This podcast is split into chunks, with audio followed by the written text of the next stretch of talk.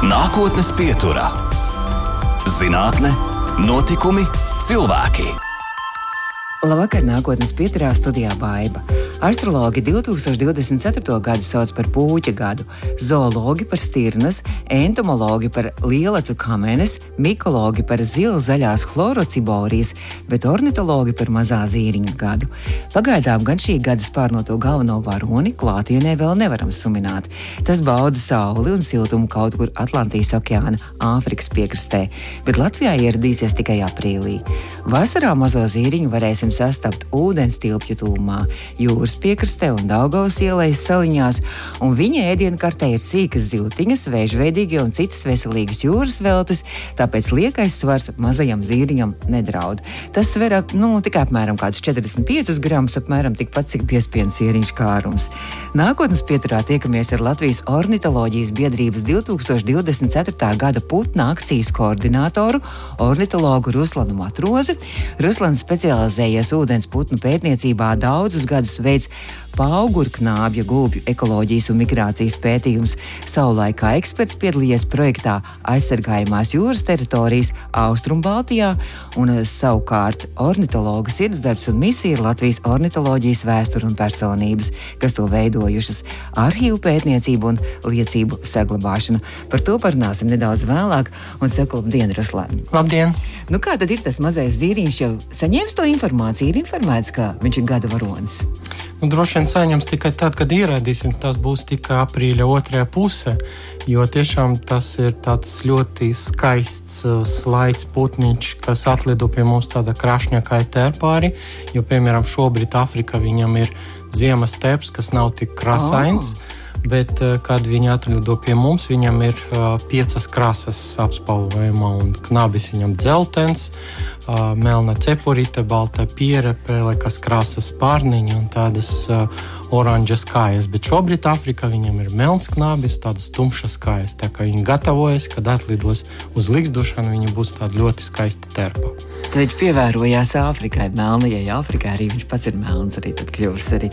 Bet nu, kāpēc mazais zīriņš pagājušajā gadā bija nu, skaisti dziedošā, lakstīga un tā, nu, varbūt arī ne, ne tik krāšņi izskatā, bet tomēr tāds ievērojams putns, ar ko mazais zīriņš izpelnījies godu? Nu, jāsaka, ornitholoģijas biedrība katru gadu izvēlas citu sugu, un mēs arī skatāmies uz to, lai būtu kāds pārstāvis, piemēram, no meža putniem, no lauku putniem, ūdeņu putniem. Šis ir tas vairāk gan ar ūdeņiem saistīts putns, gan jūras putns, jo pamata līgzdošanas vietas šiem putniem ir Latvijas piekrastes liedāks un Daugavas sāliņas. Šur tur Rīgā arī bija atzīmēta likstošana pat uz jumtiem, bet pamatā jau vairāk nekā simts gadu šie putni izvēlās vai nu Daugavu, vai nu Latvijas piekrasti. Vai mazais zīriņš ir aizsargājams vai apdraudēta arī populācija? Jāsaka, ka šī suga ir aizsargājama nu, gandrīz visur, kur viņi sastopama. Neskatoties uz to, kā mazos ziriņus var atrast nu, faktiski visa Eiropa, no Portugāles līdz Urāliem, no, no Somijas līdz Turcijai, bet visur viņa līgsto samērā neliela skaita atšķirība no citām zīriņu vai kaivīgu putnu sugām. Pie mums tā populācija šobrīd tikai kādi 70 pāri.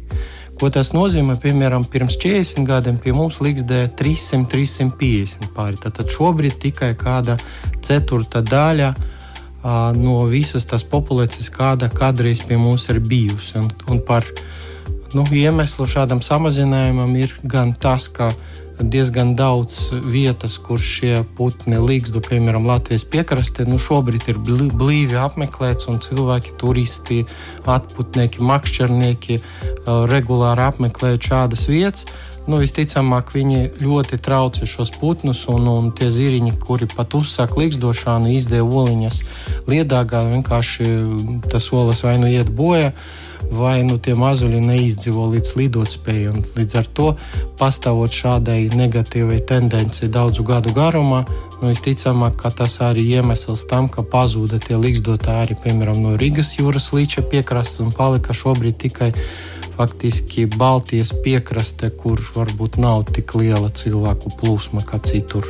Tā kā šogad varētu īpaši pievērst arī uzmanību šim mazajam zīriņam un arī parūpēties par šo sugariju, lai neizmirst. Nu, viens no akcijas tādiem mērķiem ir tiešām informēt sabiedrību par to, kā jāuzvedas likstošanas laika Latvijas piekrastē, jo visur mums ir brīva pieeja, un jebkurš cilvēks var aiziet, kur viņš grib gar piekrasti. Mums nav nekādu tādu ierobežojumu, izņemot varbūt tādas lielas upes, kas, kas jāiet apkārt.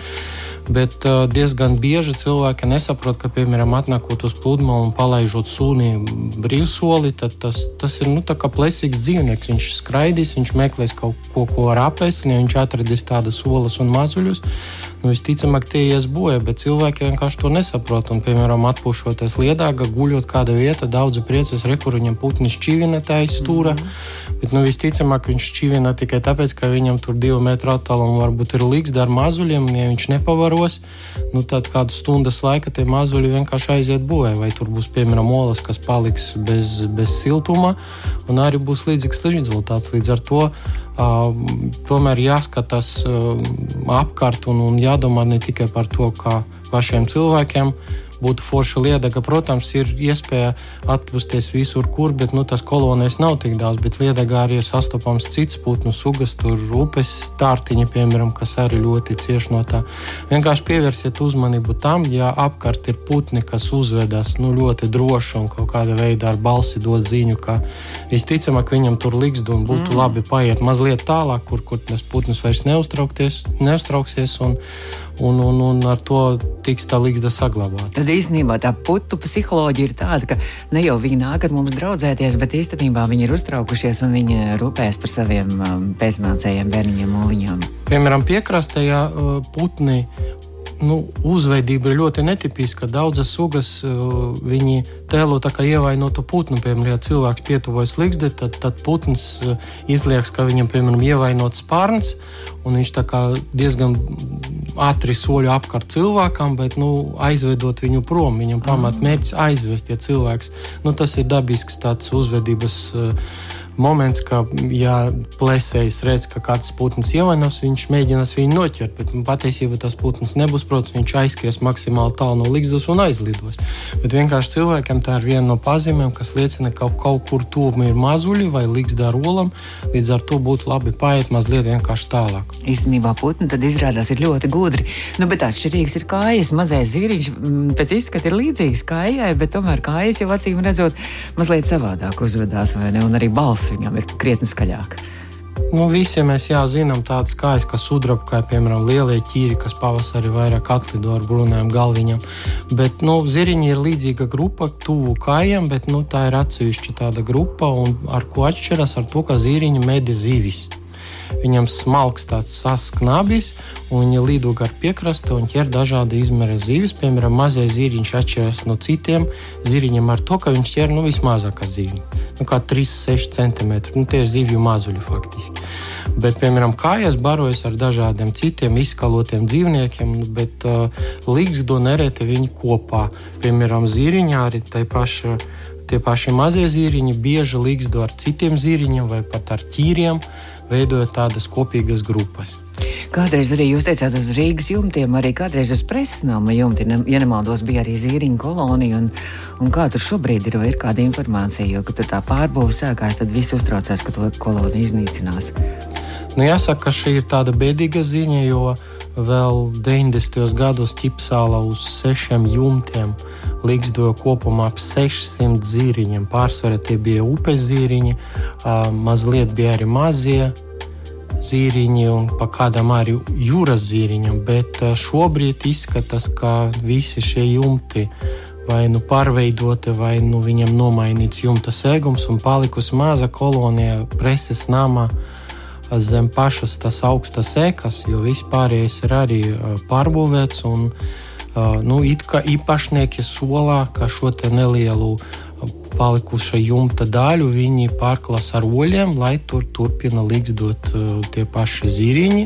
Iespējams, ka tur atgriezīsies arī mazie zīriņi. Tagad cerēsim, ka, ka viss ies uz labo pusi.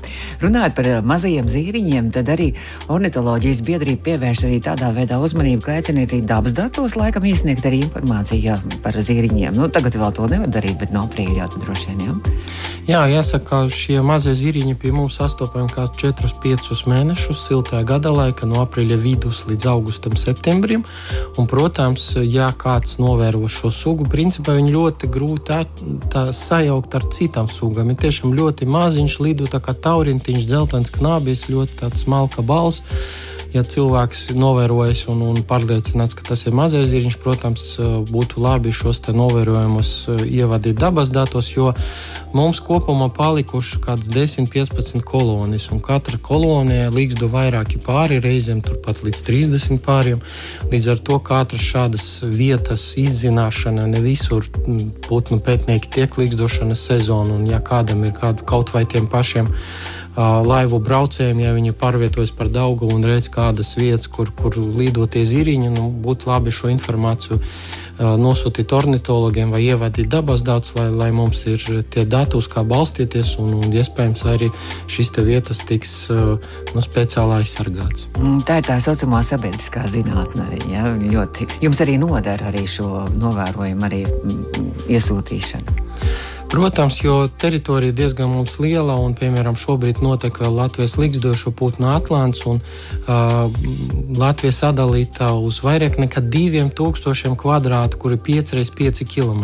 Un pamata darbi visi vasarā tiek uh, veikti, lai aizpildītu šos kvadrātus, un, un, un, protams, cilvēku skaits nav tik liels, lai to izdarītu kvalitatīvi, un tāpēc jebkuri citi papildus novērojumi reizēm liekas tādiem cilvēkiem, cilvēkiem no malas, nu, ko tad viņš uh, tādu interesantu mm. atradis. Bet jāsaka, ka nu, šādi gadījumi novērojami bija pat tādi, ka mums ir vairākas jaunas Latvijas putnu sugas atklātas, ka cilvēks kaut ko nofotografējis, nezinājis, kas tas ir, un izrādījis, ka tas ir pirmais un pat vienīgais līdz šai dienām, piemēram, tāds, tāds sartas kājas novērojums vai kādas citas putnu sugas novērojums. Pateicoties tikai tam, ka kaut bija tāda interese, ziņa tika nodota, un ornitologi joprojām priecājas par to, ka, nu, ka tā, tāda veiksme ir bijusi. Jūsu mīlestība ir savukārt gulbji. Jūs esat veidojis arī izstādes, pētījis gulbis, gulbju migrāciju, gradzenošanu. Kāpēc tieši gulbji? Nu, gulbji ir tāda nu, diezgan viegli pētāma suga, jo tā kā es dzīvoju Rīgā un, un, un savas uh, interesi attīstīja pārsvarā arī gar pilsētas teritoriju. Un, un, un tad eh, gulbi bija no tām sugām, kas tieši tajos laikos, 90. gadu beigas, 2000. sākumā, jau nonāca līdz situācijai, kad varēja šos putnus piebārot diezgan bieži, gandrīz visur. Tie peldēja klāt. Un tad uh, mēs uzsākām jau 90. gadu sākuma gredzenošanu, un no sākuma mēs varējām noķert un apgredzinot šos putnus tikai ziemas laika, kad, kad tie nāca klāt pie cilvēkiem. Jo mēs neizmantojam tiklus, mēs ķeram ar rokām, bet pēc tam 2000. sākuma jau šie gulbi nu, mainīja attieksmi, un tā kā cilvēki viņus piebarāja daudz vietu, ja tad, tad Rīga bija iespējams nu, gandrīz visur, visus gulbjus piebarot apgredzinot, nolasīt galvenais, pēc tam nolasīt šos grēdzinus, ievadīt datubāzi un uzzināt, kur tie putni pārvietojas. Mēs zinām, agrāk, piemēram, ka ziemo viņi daudzus gadus pēc kārtas viena vieta, un pēc tam, kad vasarā jau bija iespējams tikt uh, pie grēdzieniem, pie grēdzienu nolasīšanas, tad mēs arī noskaidrojam, kur viņi līgsto. Un tad izrādās, ka, uh, ka līdz tam brīdim, protams, daudz uzskatīja, ka nu, gulbja pāri veidojas uz visu mūžu, bet nu, izskatījās, ka tomēr nē, ir daudzos gadījumos, kad tie ir tādi ilgstotāji, kas, kas līgsto, nu, piemēram, kāds 6, 10 gadus, un, un tiem parasti nomainas tie partneri. Daudzos gadījumos tas tiešām notiek dabisku iemeslu dēļ, ka, piemēram, kāds no tiem iet bojā, tad viņi atrod citu. Bet, nu, Ir arī situācijas, kad, kad gulbi vienkārši nomaina savus partnerus. Piemēram, vienā ezera līgzdojā divi pāri, visi bija apgredzenoti, un pēc tam nākošajā gadā viņi nomainīja savus partnerus. Līgzdoja tajā pašā vietā, bet nu, kaut kādu iemeslu dēļ viņi nomainīja. Gluži tāpat kā cilvēku pasaulē. Principā jā, tas pats, ka cilvēku pasaulē un, un diezgan daudz arī gulbi neligzdotāju, jo populācija ir diezgan liela un tikai kaut kādi varbūt 10-15% no tiem līgzdo, pārējie ir jaunie putni jo viņi uzsāk līgzdošanu parasti 3. un 4. dzīves gada, bet ir tādi, kas noliksto pat līdz 20, 22 gadiem. Tie ir tādi rekordi, pat, pat salīdzinot ar to, cik viņi vidēji dzīvo. Piemēram, pēc greznošanas datiem mēs noskaidrojam, ka vidēji gulbi dzīvo no ap kādiem desmit gadiem. Tas nozīmē, ka desmit gadu laikā kāda 80-90% no šīs populācijas aiziet bojā.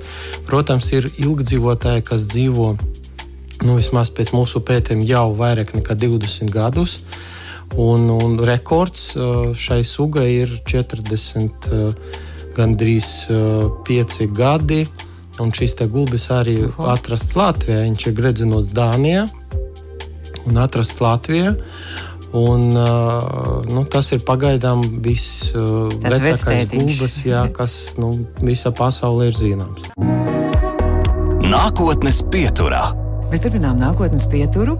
Šo raidījumu varat noklausīties pēc tam arī mūsu mājaslapā, audio saitē un arī podkāstos lielākajās vietnēs.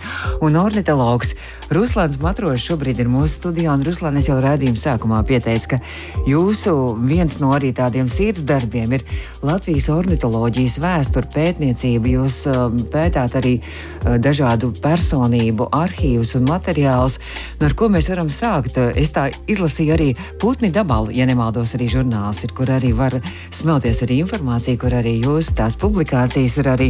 Un visai interesanti, ja mēs tikko par gredzenošanu runājām, tad gredzenošana Latvijā sākās kaut kad 20. gadsimta sākumā. Ja? Jā, pirmais putns, kas Latvijā apgredzenots, bija 1907. gada 15. aprīlī. O, tā, cik precīzi!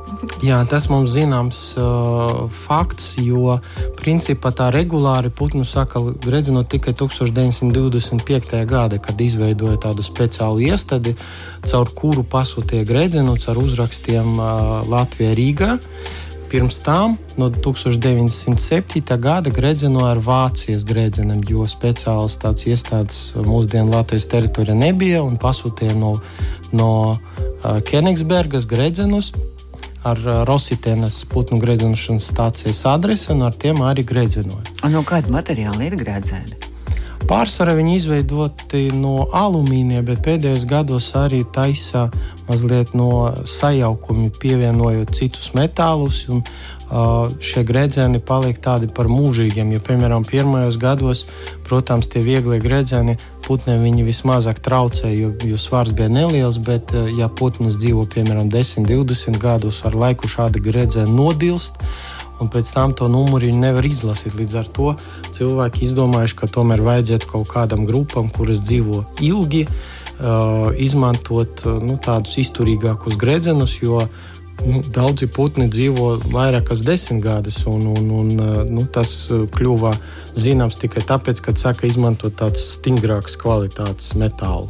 Es lasīju, ka jūs pats arī savu personīgo pieredzi arī tur dalāties, ka, ka nu, nevar putnam varbūt tik ļoti tuvu piekļūt, lai viņu nenobaidītu un izlasītu informāciju uz gredzena, tad binokli izmantoja.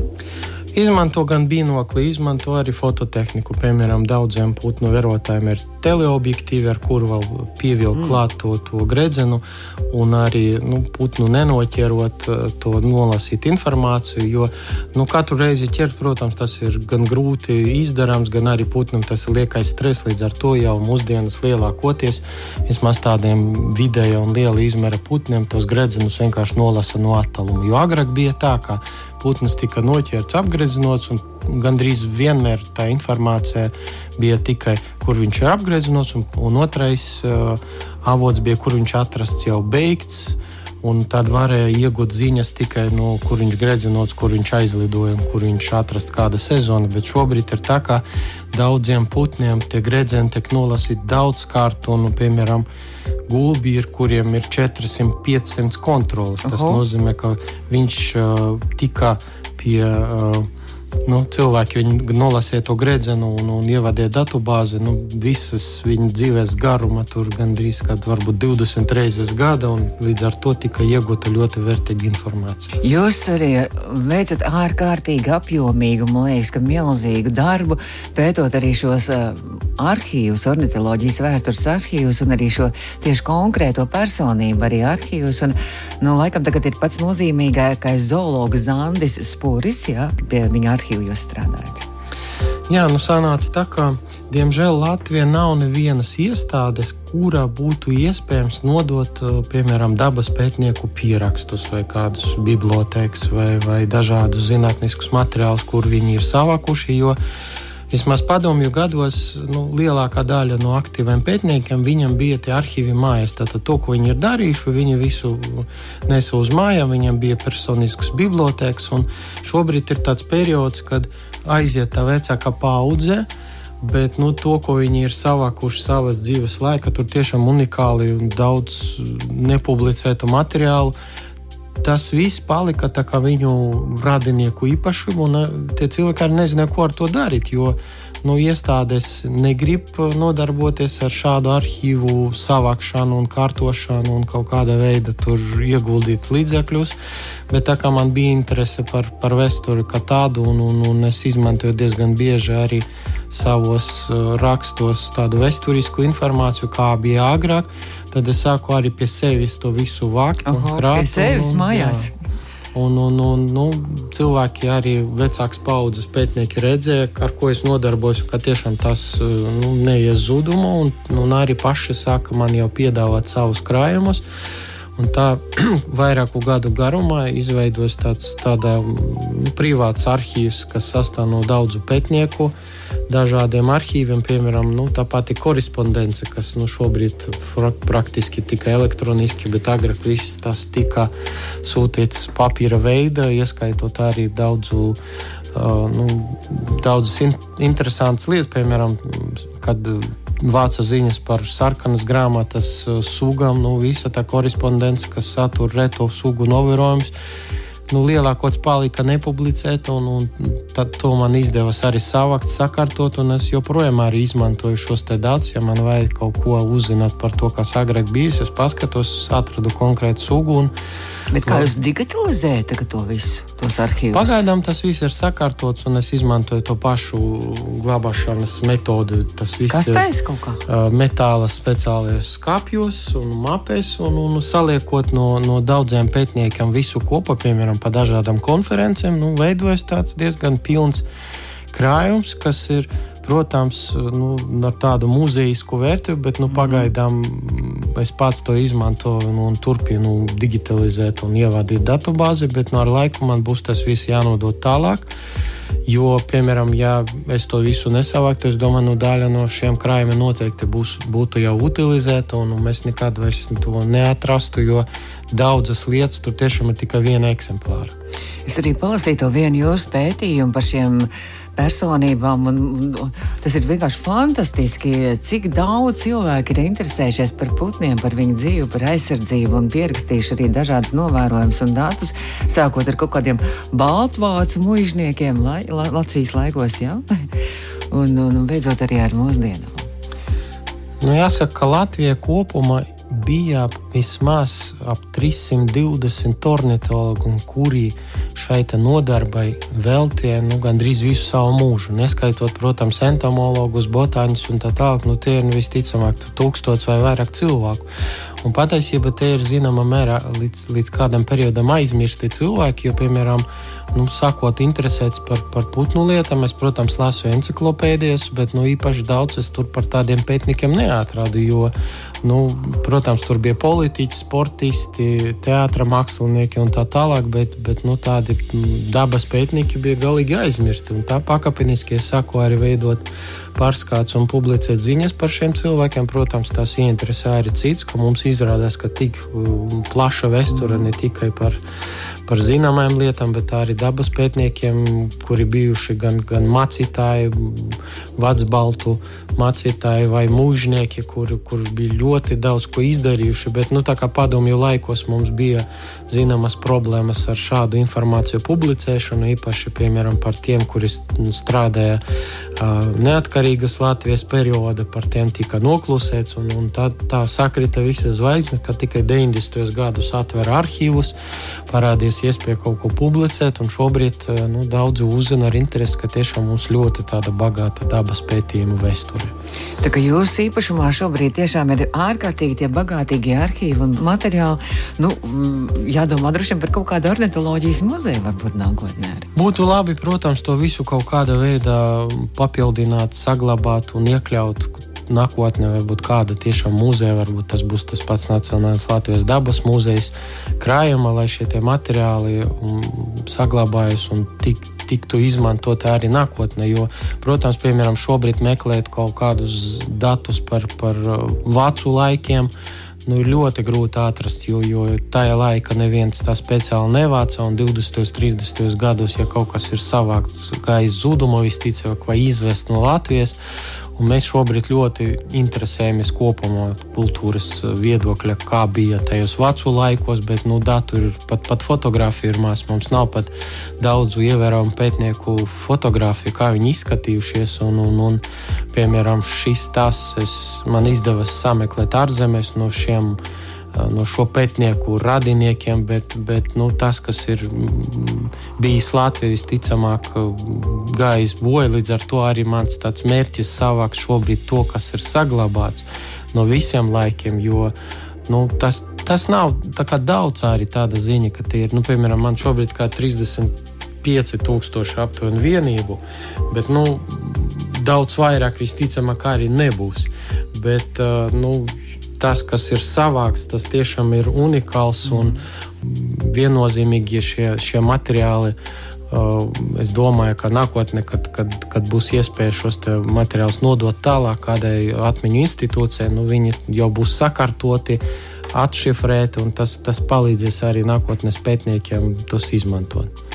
Mēs turpināsim nākotnes pieturu jau noslēdzošo daļu pēc brīža. Ornitologs un arī Latvijas ornitoloģijas vēstures pētnieks Ruslāns Matros šobrīd ir mūsu studijā. Nākotnes pieturā - zinātne, notikumi, cilvēki. Nākotnes pieturā viesojas ornitologs Ruslans Matros, bet es jūs piesaku kā ornitologu un vēstures pētnieku. Kā jūs sākāt savu um, karjeru ornitoloģijā, putnu pētniecībā un vēstures pētniecībā kā jurists?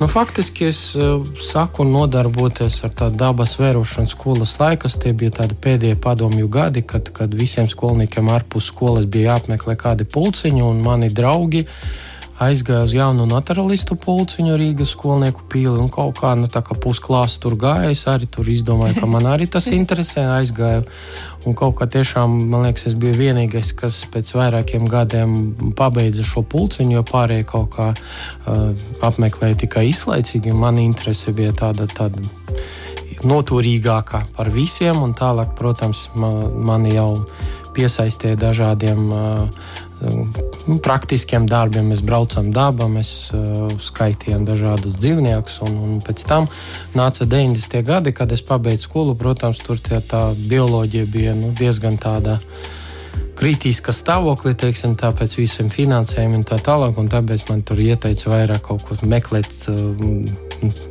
turpināt izglītību kaut kādā citā sfērā, līdz ar to es aizgāju uz juristiem, pabeidzu juridisko fakultāti, līdz ar to tas viss ar dabu saistīts. Tas ir vairāk mans hobijs, jo tas arī zināmā mērā plus, jo nu, es nevaru varbūt veltīt tik daudz uh, laika šai nodarbei, bet, nu, kad man parādās šāda iespēja, protams, tas, tas sagaida kaut kādu lielāku prieku, un, un, un es varbūt nu, nenodegu tā kā citi profesionālie dabas pētnieki pēc vairākiem desmit gadiem, kuriem, kuriem nu, varbūt tā tie izpētes objekti vairs nu, nav tik interesanti, tā tīri psiholoģiski. Un, un tas, tas arī zināms plusiņš tam, ka es uh, jau nu, saglabāju prieku. Mm, ka, man, to, nu, ka man tas tiešām dziļi interesē. Nevis tāpēc, ka varbūt par to maksā naudu un es daru tikai tāpēc, bet nu, tāpēc, ka man tas patīk. Es gribu kaut ko izdarīt un palīdzēt, un, un pie tiem pašiem arhīviem saglabāt. Es uh, saprotu, ka nu, citi ar to nenodarbojas, tāpēc, ka varbūt tas nav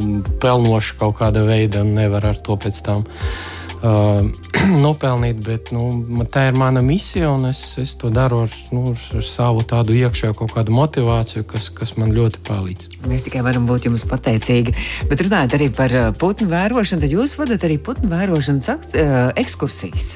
Nu, viena no Latvijas ornitoloģijas biedrības pamatnodarbībām arī izglītot sabiedrību un, protams, Mums jau izveidojas 80. gados tādas tradīcijas, vādīt ekskursijas, jo tiešām, ja cilvēki interesēs par, par dabas vērošanu, par putniem, nu, no sākuma, protams, ir grūti noteikt sugas, jo Latvija ir sastopama nu, vairāk nekā 300 sugas, kuras var ieraudzīt uh, cilvēks dzīves laika. Protams, jūs visas kād... pats esat redzējis? Nē, protams, tur ir daudzas sugas, kas ir redzētas vienu reizi simts gados, un varbūt vairāk neviens viņu neredzēs šeit, Latvijas teritorijā. Bet, uh, sākot interesēties, protams, jā, jāsaprot, kas tas ir pa sugam, jo vēl ir daudzas nianses. Piemēram, sugas ir, kuras ir Nu, piemēram, tāds mazais zīriņš, kuram nu, dzimumu atšķirt nu, faktiski nevar. Tikai pavasarī, kad, kad ir riesta laiks, tad te viņa atnes matītie zivtiņu, un tad, ja matīte pieņem, tad izveidojas pāris tikai pēc šādas uzvedības. Bet nu, ir sugas, kuram, piemēram, meža pīli ir te viņš matīte atšķirās.